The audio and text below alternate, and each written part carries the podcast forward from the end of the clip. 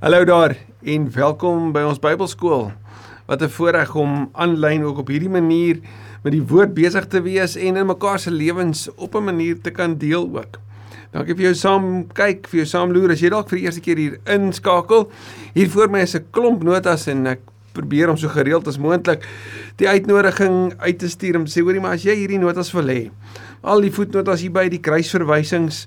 Een een dame sê eendag vir my hoorie tussen die een week en die volgende week se se byeenkomste is daar net genoeg tyd om deur alles te werk. En sodra ek deur dit is dan begin ons weer met 'n nuwe een. So dis die lekker van om op so 'n platform ook te kan stil word en deel te kan word van 'n gemeenskap wat ernstig is oor die woord, ernstig is oor oor wat wat die Here ook daardeur vir ons wêreld wil kom sê en en om dieper te delf, wel daar's die geleentheid vir jou om ook dan hiermee te kan deel en soos soos ek dit al gesê het, deel dit ook asseblief as dit vir jou sinvol is en van waarde is, deel dit gerus met met ander. Dankie dat jy dat jy inloer. Ons het verlede week stil gestaan by 1 Petrus 3 waar Petrus begin het deur te sê man en vrou, julle twee in julle verhouding met mekaar moet moet dieselfde wees as die vorige twee voorbeelde wat natuurlik die staat en die werkplek was. En dit was hierdie gesindheid van hipotasso van van ondergeskik wees. Hy het eers met die vroue gepraat en gesê, "Maar hoor, julle moet aan julle mans onderdanig wees." En dis daai gesindheid van soos vir Christus, so vir jou vir jou man. Net soos wat Paulus ook daarvan sou praat aan in Efesiërs hoofstuk 5. Maar dan sê hy mans, julle moet aan julle vrouens eer betoon. Nou hoe betoon jy eer anders as om ook uit 'n gesindheid van hipotasie van onder af op te kom en aan hulle eer te betoon. En hy eindig dit af deur te sê as julle dit so doen, dan gaan julle kan bid. So ons verhoudings met mekaar, ons verhoudings in in by die huis het 'n effek op ons gebedslewe. Dis dis in kort as mense dit so sou opsom. Daarna het hy gegaan na die praktiese kant van hoe leef ons geloof in hierdie wêreld uit? En veral dan as jy teenkanting beleef, aanvanklik, hoe leef ons dit uit met liefde en omgee en deernis en medelee en daar wees vir vir mekaar, net soos wat Paulus dit ook in Romeine 12 byvoorbeeld sou uitpak en op ander plekke natuurlik ook. Want sê hy, maar as jy sou ly, as jy sou swaar kry, beskou dit as 'n voorreg. 'n Voorreg om te ly omdat jy goed doen, nie omdat jy droog maak nie, maar omdat jy goed doen. En gereeld op hierdie eerste brief van Petrus kom lyding na vore en hoe maak jy daarmee? Hoe leef jy daarmee? En Petrus herinner ons die hele lewe tyd aan soos Christus, so ook jy. En hy het geëindig met hierdie besondere mooi beeld van die bloed van Jesus wat soos die ark in Noag se tyd dan Genesis 6 vir Noag en sy gesin beskerm het die agt van hulle binne in die ark. Hulle beskerm het toe die toe die sonvloed van oordeel gekom het. So gaan die bloed van Jesus die gelowiges beskerm as die sonvloed van God se oordeel die die, die watervloed van God se oordeel. Wanneer dit wanneer dit kom wanneer die oordeel uiteindelik kom word gelowiges beskerm. En dis daai selfde sekerheid wat hy in die begin by 1 Petrus al uitgepak het om te sê maar jy het hierdie hierdie vaste erfenis in Christus. Dis vasgemessel, niks kan dit wegvat nie. En net weer daar 'n herinnering van hoorie maar jy is beskerm in Christus in Jesus se bloed. Hy's die een wat heers, hy's die een wat op die troon sit. Hy heers aan die regterhand van God. Nou vandag, hoe lyk 'n lewe wat wat klaar is met die sonde? Hoe lyk 'n lewe wat deur die louteringsproses gegaan het? Wat toegelaat het dat die ongemak van hierdie wêreld, die die die ongemak ook van situasies die die sonde so af was nie net af was nie maar want Jesus se bloed was ons skoon maar maar so afbreek in ons lewe dat ons ook wat hierdie vlees aanbetref oorwinning kry en sê ons gaan nie toegee aan al die begeertes van hierdie vlees nie. Van my sondige geaardheid en my sondige natuur soos Paulus dit in in in Romeine 6 ook beskryf het nê. Hoe leef ek nie daarmee? So kom ons bid dat die Here ons hierin ook sal lei. Dankie Here vir hierdie oomblik. Dankie vir hierdie teks. Dankie vir die getrouheid van van die gelowiges om te luister na u wil, na u woord, na u hart en vir die neerpen daarvan. Dankie dat ons letterlik eeue later hierna kan kyk en dit kan lees en hoor, u stem kan hoor asof dit vir vandag op hierdie oomblik geskryf is. Ons assosieer so met Petrus en en daarom beleef ons ook in hierdie brief so baie oor ons lewe. Help ons Heilige Gees om ook gehoorsaam te lees, te luister na U wil en met ons lewe daarop te reageer. Ek bid dit in Jesus se naam. Amen. 1 Petrus 4 vers 1 Omdat Christus dan liggaamlik gele, ge, gelei het moet julle julle ook met die gedagte wapen dat wie liggaamlik gelei het met die sonde afgereken het Petrus sê soos Jesus so julle onthou mooi Jesus het gelei maar hy het opgestaan en hy heers Deur sy lyding het hy oorwinning oor sonde vir ons bewerkstellig. Maar omdat ons agter hom aanstap, kan ook ons wat deur die proses gaan van ek weet ek moet minder word en hy moet meer word, ons wat deur die proses van gaan van afsterwe, ons ook by 'n plek kan kom van nuwe lewe. En is so mooi hoe hoe Petrus die lyn trek van jy lewe, jy sterf, Galasiërs 2 vers 19 en 20, jy sterf, Christus leef in my en dan leer jy om 'n nuwe lewe te leef. So daai beeld van doodgaan en nuwe lewe met nuwe gewoontes 2 Korintiërs 5:17. So pak Petrus dit ook uit. Onthou mooi dat jou lyding wanneer jy deur lyding gaan, deur ongemak gaan, deur swaar kry gaan. Dan leer ons om van hierdie begeertes en behoeftes wat voorheen oor ons lewens geheers het om dit af te sterf. En ek het dit al gesien. In my lewe en in die lewens van van soveel ander met wie ek al in gesprek was, dat fisiese ongemak baie keer 'n geestelike voordeel teweegbring. Byvoorbeeld, as jy deur 'n tyd gaan van finansiële inperking, van van finansiële swaar kry, dan kry ander dinge skielik weer vir jou waarde. Dan leer jy dat dit wat jy voorheen opgesteen het of voorheen na toe gevlug het, nie meer daar is nie. Jy het nie toegang daartoe nie. En dan wat dan leer jy opnuut om in jou geloof te groei. Dit dis asof die fisiese ongemak geestelike voordeel teweegbring. En dis waarna Petrus ook hier verwys. Hulle wat gelei het, het met die sonde afgereken. Vir die res van sy aardse bestaan, dis nou die persoon wat liggaamlik gelei het en met die sonde afgereken het. Vir die res van sy lewe, van sy aardse bestaan, word sy lewe nie meer beheers deur die menslike begeertes nie, maar deur die wil van God. Nou hierdie belangrike punt wat Petrus hierin maak, is nie 'n noodwendige nie. Nie almal wat liggaamlik of fisies ly reken met die sonde af nie. Sommige mense kry net swaar. Maar gelowiges wat swaar kry omdat hulle gelowiges is, het 'n ander tipe lyding wat hulle ook beleef. Te midde van die swaar kry en te midde van die teenkanting omdat jy gelowig is en aan Jesus vashou. As mense jou begin benadeel juis omdat jy sê dat jy in Jesus glo en omdat jy 'n kind van die Here is en dit so leef, dan bring dit baie keer ander forme van vervolging en lyding na vore. Nou daai vervolging tesame met die ongemak van jou situasie kan bring dat jy by 'n plek kom waar jy besef dat ek het nou 'n klomp goed net laat gaan. Dis nie meer ek wat lewe nie, maar Christus wat in my lewe. Maar dit beteken of dit is 'n gegewe wanneer jy hom toelaat om in jou te doen wat hy kan, om in jou lewe te heers. As jy dit toelaat, dan kom jy by 'n plek, sê Petrus, van oorwinning. In die verlede, toe julle nog heidene was en jy sê kon sê Petrus praat hier op die op met met 'n met 'n bepaalde groepering van hierdie gelowiges wat so versprei was, hierdie vreemdelinge so wat hy hulle noem. Toe julle nog heidene was, is julle lewe lank genoeg beheers deur die heidense begeertes. Nou Romeine 1 vers 18 tot 2 vers 1 praat nogal baie hiervan. En nou noem hy dit losbandigheid, welis, dronkenskap, swelg en drinkpartye en afskuwelike afgodery. Nou hierdie woorde, losbandigheid, welis, dronkenskap, swelg en drinkpartye en afskuwelike afgodery, dis almal beskrywings, voorbeelde van wat ons gesien het in die heidense aanbiddingskultus waar daar by die heidense tempels offers gebring word vir die heidense afgod En daarna is daar ook is, of dis ook gekoppel met tempelprostitusie, met met dronkenskap, met al hierdie partytjies wat tot die verering van hierdie bepaalde afgod, ek noem dit afgod, hulle sou dit 'n god genoem het, maar hierdie bepaalde afgod se verering gelei het. En daarmee saam was daar allerlei seksuele losbandigheid en noem dit wat jy wil of of of dink net aan jouself oor hoe wild en wreed en en en anders dit sou wees. Nou sê Petrus, dit was voorheen deel van julle lewe. Maar julle het nou verander. Kyk mooi. Vers 4 nou. So die die vers 3 wat begin met in die verlede dui op 'n ander tyd in julle lewe. Vers 4 se eerste woord nou. So daar was 'n voor en 'n na.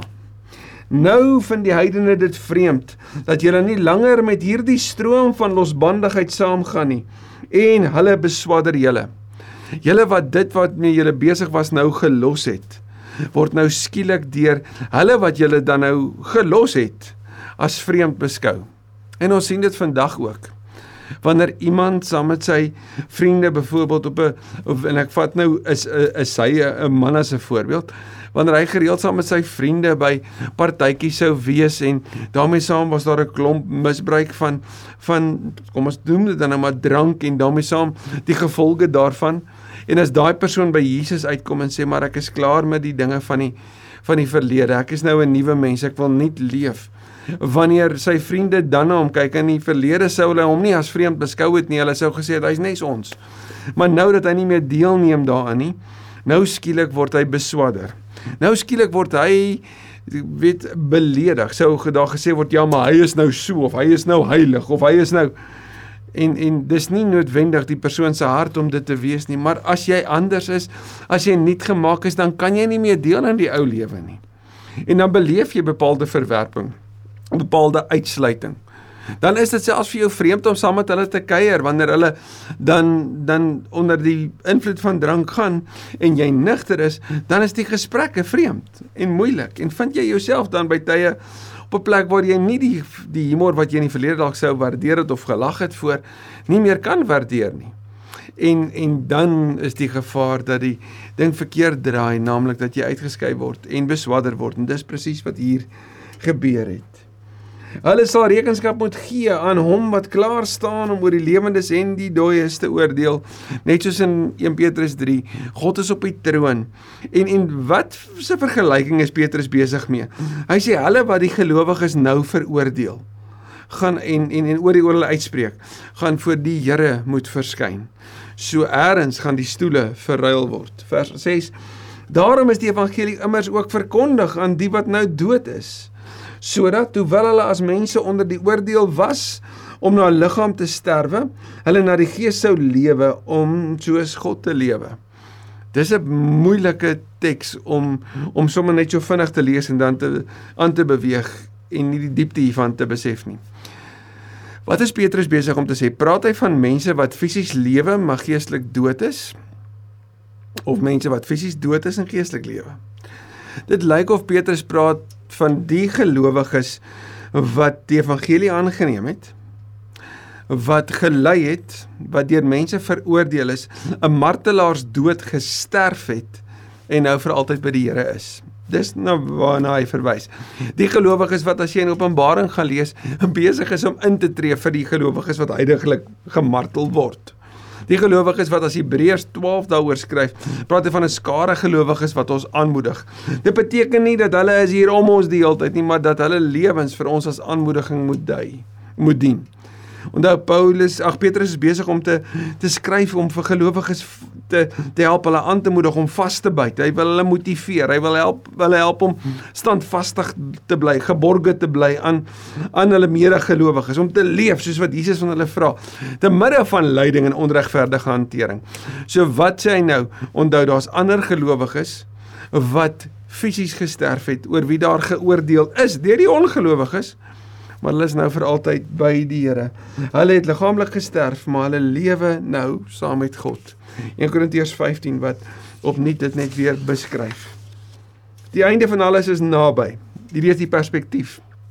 En Petrus se se beklemtoning hiervan. Hy doen dit ook aan die einde van die tweede brief van Petrus oor dat dat dit kan kom enige tyd hierdie hierdie hierdie wederkoms van die Here. Soos Openbaring 22 die Here as dit ware inroep en sê kom Here Jesus en hy sê ja, kom gou. Amen.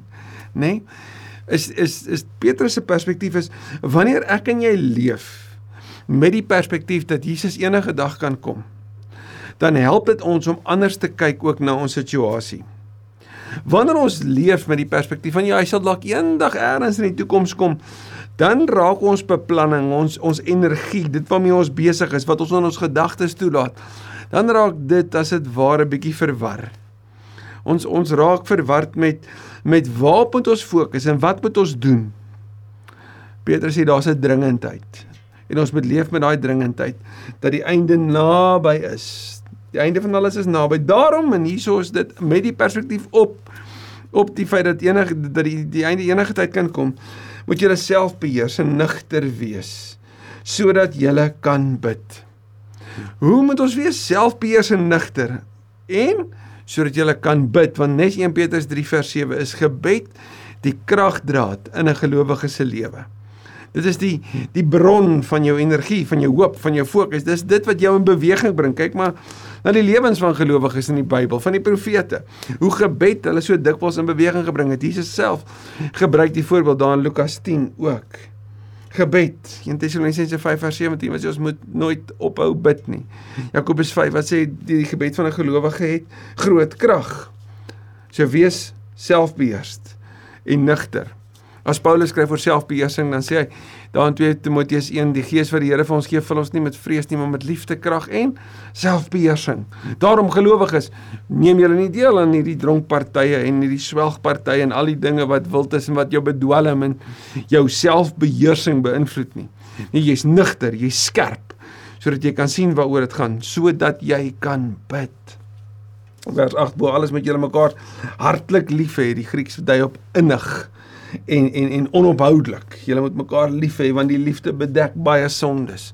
1 Korintiërs 13 sê presies dit, die liefde bedek alles. En waaroor gaan die bedekking hiervan van vergifnis? Dat gelowiges vergewe. Dit maak nuut, dit maak vry. Dit kom wys dat Jesus opgestaan het. Dis die vervulling van sy gebed daar in Matteus 6, nê? Nee? Vergewe soos wat ons ook vergewe. Wees gasvry teenoor mense sonder om te kla wanneer Johannes skryf daar in 3 Johannes 1 3 Johannes wel dis daar's net een hoofstuk maar dan skryf hy oor Gaius wat hierdie gasvrye mens is wat ons sien in Korinte en op ander plekke wat sy gasvryheid so geleef het dat dat die gelowiges by sy huis bymekaar gekom het. Gaius wat erken was vir sy gasvryheid. Petrus self wat so gasvry was dat selfs die dak van sy huis oop was verander om om eh, 'n uh, man op sy draagbaar af te laat sak om voor Jesus te kom sodat Jesus hom kon gesond maak. Gasvryheid, hierdie ontsettende mooi beginsel van die eerste eerste kerk van van die van die gelowiges om met 'n oop deur te leef, om vir ander te sê jy's welkom, wees gasvry en hier is die belangrike sonder om te kla. Dit wys op op Paulus se woorde ook daar in Filippense 2 vers 14. Doen dit sonder om te kla of te te praat. As goeie bedienaars van die veelvoudige genade van God. Hoe hoe mooi is dit? Veelvoudig. Klaaglied 3 sê sy genade is nuut en vars elke oggend, nê? Nee? Wildvoudige genade van God. Moet elkeen na mate hy 'n genadegawe ontvang het, 'n gawe wat 'n geskenk is, nê? Nee? Wat moet jy doen met hierdie geskenk wat jy gekry het? Jy moet die ander dien. Ons het dit sien in Romeine 12, jy sien dit ook in 1 Korinte 12. Jy sien dit in Efesiërs 4 en hier in 1 Petrus 4 waar daar oor die gawes gepraat word en dit word elke keer in lyn gebring met diensbaarheid om die ander te dien, om die ander eerste te stel. Daarom is die belangrikste kledingstuk van 'n gelowige se voorskoot. Nê. Nee, soos Jesus dit gedoen het daar in Johannes 13. Dien die ander. As iemand die gawe ontvang het om te preek, En en en Paulus verwys daarna in Romeine 10. Hy sê, "Hoe sal iemand die goeie nuus hoor? Hoe kan hy God aanneem as hy nie die goeie nuus hoor nie? Hoe gaan hy dit hoor as iemand nie preek nie? Hoe gaan iemand preek as hy nie gestuur is nie? En hoe gaan jy gestuur wees as daar nie ergens 'n basis is, 'n gemeente is wat sê, "Kom ons maak dit moontlik dat hierdie persoon kan gaan, kan dit gaan doen nie." En en prediking hier het te doen met die verkondiging van die verlossingsboodskap, nê? Nee, as jy die gawe gekry het om te preek, moet God deur hom aan die woord kom. En jy gaan dit sien van hier af verder tot aan die einde van 1 Petrus 5, maar dit is eintlik deurgaans die brief se se hoofpunt. Die fokus is God. God is die bron. Dis God wat die verandering bring. Dis God wat die verheerliking en die eer ontvang. God moet deur hom aan die woord kom. As dit is om die gemeente te dien en die woord daar, dis waar ons die woord diaken vandaan kry en diensbaarheid binne in die gemeente diakoneo dui daarop as ons om te dien moet hy dien met die krag wat God verleen. So moenie dien uit jou eie krag uit nie. Moenie preek uit jou eie krag uit nie. Filippense 1:6 sê ek is daarvan oortuig dat hy wat die goeie in julle begin het, hy dit gaan klaarmaak. Hy sal dit volvoer tot op die dag van Christus Jesus. So vertrou op hom. So moet julle God in alles verheerlik deur Jesus Christus. Ons sien dit in Romeine 15:8. Aan wie die heerlikheid en die krag behoort tot in alle ewigheid. Amen. Jesus die weldoener wat sy lewe gegee het, aan hom moet al die eer toe kom. Hy wat ons kom vrykoop het. Paulus skryf daaroor in Romeine 11:36 dat aan hom kom die eer toe vir altyd. En dan kom Petrus terug na hierdie belangrike punt weer van lyding en van 'n gelowige. Hy sê geliefdes, moenie verbaas wees oor die vuurpoel waaraan julle onderwerp word nie. Dit is nie iets vreemds wat met julle gebeur nie. Nou het dit nou al 'n paar keer gesê en weer eens herinner hy die gelowiges wanneer die loutering kom verwag dit. En jare wat nadat hierdie geskryf is en ons ons dit lyk op op ander dele weer of dit dalk reeds gebeur het, maar dit vervolging baie intens uitgebreek. So daarom is die datering hiervan ook hier by 465 na Christus toe die vervolging gegee is en nou kom sê Petrus moenie verbaas wees dat dit gebeur nie. En vandag ook, geliefde, as jy staan vir Jesus, beteken dit jy gaan teekanting kry. Dit doen. Al staan jy vir die mooiste, liefdevolste, vergewende, nuutmakende boodskap, kom verklaar jy dat hy die Here is en dat jou lewe ondergeskik is aan hom. Mense hou van die liefde, hulle hou nie van om ondergeskik aan Jesus te leef nie. Om hom as Here bo alles te eer en te erken en te volg en jouself tweede te stel vir hom nie. So dis ongewild in 'n wêreld wat gaan oor alles wat oor my moet gaan. Moenie verbaas wees nie. Wees liewer bly hoe meer jy in die lyding van Christus deel, want dis die voorreg. Dis nie net lyding omdat jy 'n buffel is nie. Ons het dit voorheen al vir mekaar gesê. Nee, dis lyding omdat jy in die lyding van Christus deel, want dan sou jy ook oorloop van vreugde by sy wederkoms en heerlikheid. Onthou jy weer Hebreërs 12 terwyl van die vreugde wat hom vir hom in die vooruitsig was, dat hy die die skande van die kruis verduur en nie teruggeduins daarvoor nie. Geseënd is julle wanneer julle beledig word. Sien, hier's die filter. Wanneer julle beledig word ter wille van die naam van Christus. As iemand jou beledig, ek onthou ek en my vrou was een keer op 'n uitreik gewees en ons was besig om mense te nooi en toe sê hy vir iemand sê, "Maar Jesus is vir jou baie lief." Toe swets daai vrou vir haar dat uh, die Sia nie kon daar was nie. En ek onthou die spanleier het gesê sy het nie 'n goeie dag nie. Sy het baie min dae goeie dae. Maar maar daai belewenis van wanneer jy beledig word, is nogal in jou gesig as iemand jou skielik uitskel omdat jy in Jesus glo. Dit is 'n bewys dat die Gees aan wie die heerlikheid behoort, die Gees van God op julle bly. Daar's van die profete in die Ou Testament gepraat dat die Gees op hulle bly. As jy beledig word, sê sê Petrus, beskou dit so as 'n herinnering dat onthou die Gees is op julle. So oor lyding sê Petrus, moenie verbaas wees dat dit gaan gebeur nie. Wees bly en fokus op die toekoms wat vir julle wag. Vertrou die Here dat hy in hierdie lyding besig is met julle en onthou God is die Here. En aan die einde van alles gaan julle by hom vir altyd wees. So ook wanneer jy ly, bly hy die Here en kan jy weet die Gees bly op jou. As een van julle ly, Moet dit nie wees omdat hy 'n moordenaar is of 'n dief of 'n misdadiger of 'n kwaadstoker nie. En dis interessant, wanneer ek en jy hierdie so lees dan dan vergeet ons dat Petrus 'n prentjie agter dit het. Want onthou jy daar was 'n situasie van lyding gewees waar daar 'n moordenaar, 'n dief, 'n kwaadstoker was wat gelei het. Eintlik was daar twee. Twee van hulle wat dit verdien het. En daar was iemand in die middel wat gelei het omdat hy niks gedoen het nie en die teenstelling, die die kontras tussen die een wat onregverdiglik ly omdat hy goed doen en gehoorsaam is en die ander twee wat kry wat hulle verdien. Ja, dis Golgotha en dis Jesus en die mense weerskante van hom. Nou kom sê hy, jy moenie ly omdat jy 'n moordenaar, 'n dief of 'n kwaadstoker is nie, maar wanneer jy ly omdat jy 'n Christen is, in Handelinge 11 vers 26 daar in Antiochië word die gelowiges vir die eerste keer Christene genoem.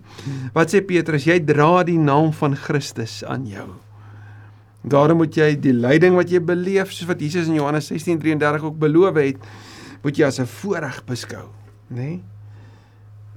As jy ly omdat jy 'n Christen is, moet jy jou nie daarvoor skaam nie. Inteendeel, as draer van daardie naam moet hy God verheerlik. Die tyd vir die oordeel het aangebreek.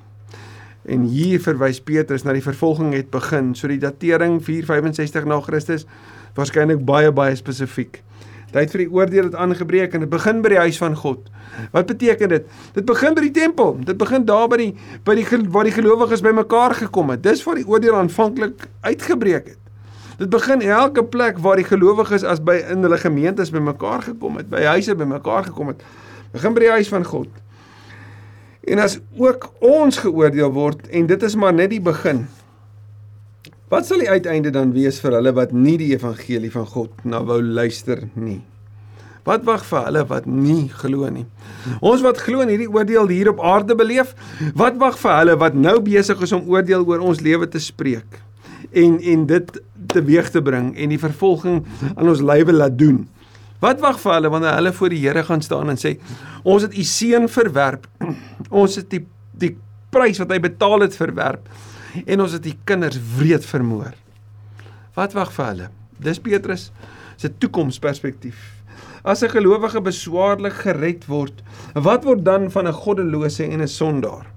Nou, hierdie is belangrik om net te kan onderskei dat Petrus nie hier kom sê dat 'n gelowige as dit ware bereik die die hemel so half half half net so net net beswaarlik. Hy maak dit net net nie. Nee, want daai het in hoofstuk 1 gesê, jy's verseker van van van jou ewige tuiste by die Here. Dis 'n gegewe. Jy moenie eers daaroor twyfel nie, nê? Nee? So wat waarvan praat hy hier? Hy praat van die moeilike pad vir 'n gelowige. Dat 'n gelowige wat gered word stap 'n baie moeilike pad, nê? Nee? Wat gaan gebeur met die goddelose en die sondaar wat nie glo nie? Daarom moet die wat ly omdat God dit wil en hier's belangrik omdat God dit wil. Jakobus sê dit ook in hoofstuk 4, ons moet sê as die Here wil.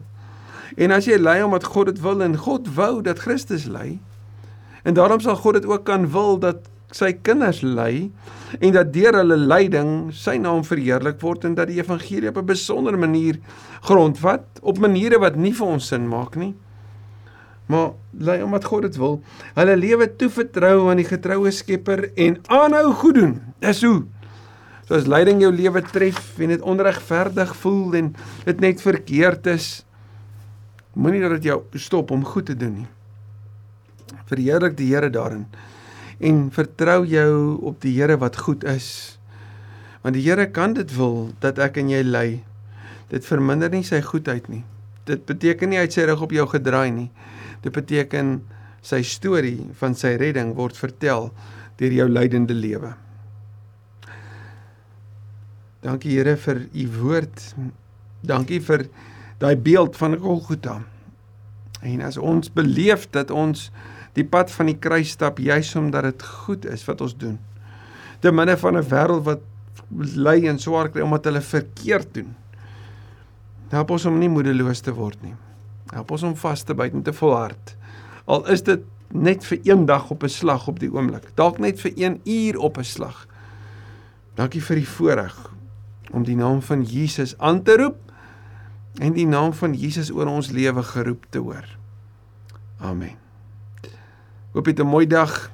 En as jy in 'n seisoen of 'n fase in jou lewe is waar jy swaar kry, hoor die woord van die Here vandag vir jou. Byt vas en doen goed. Mooi week.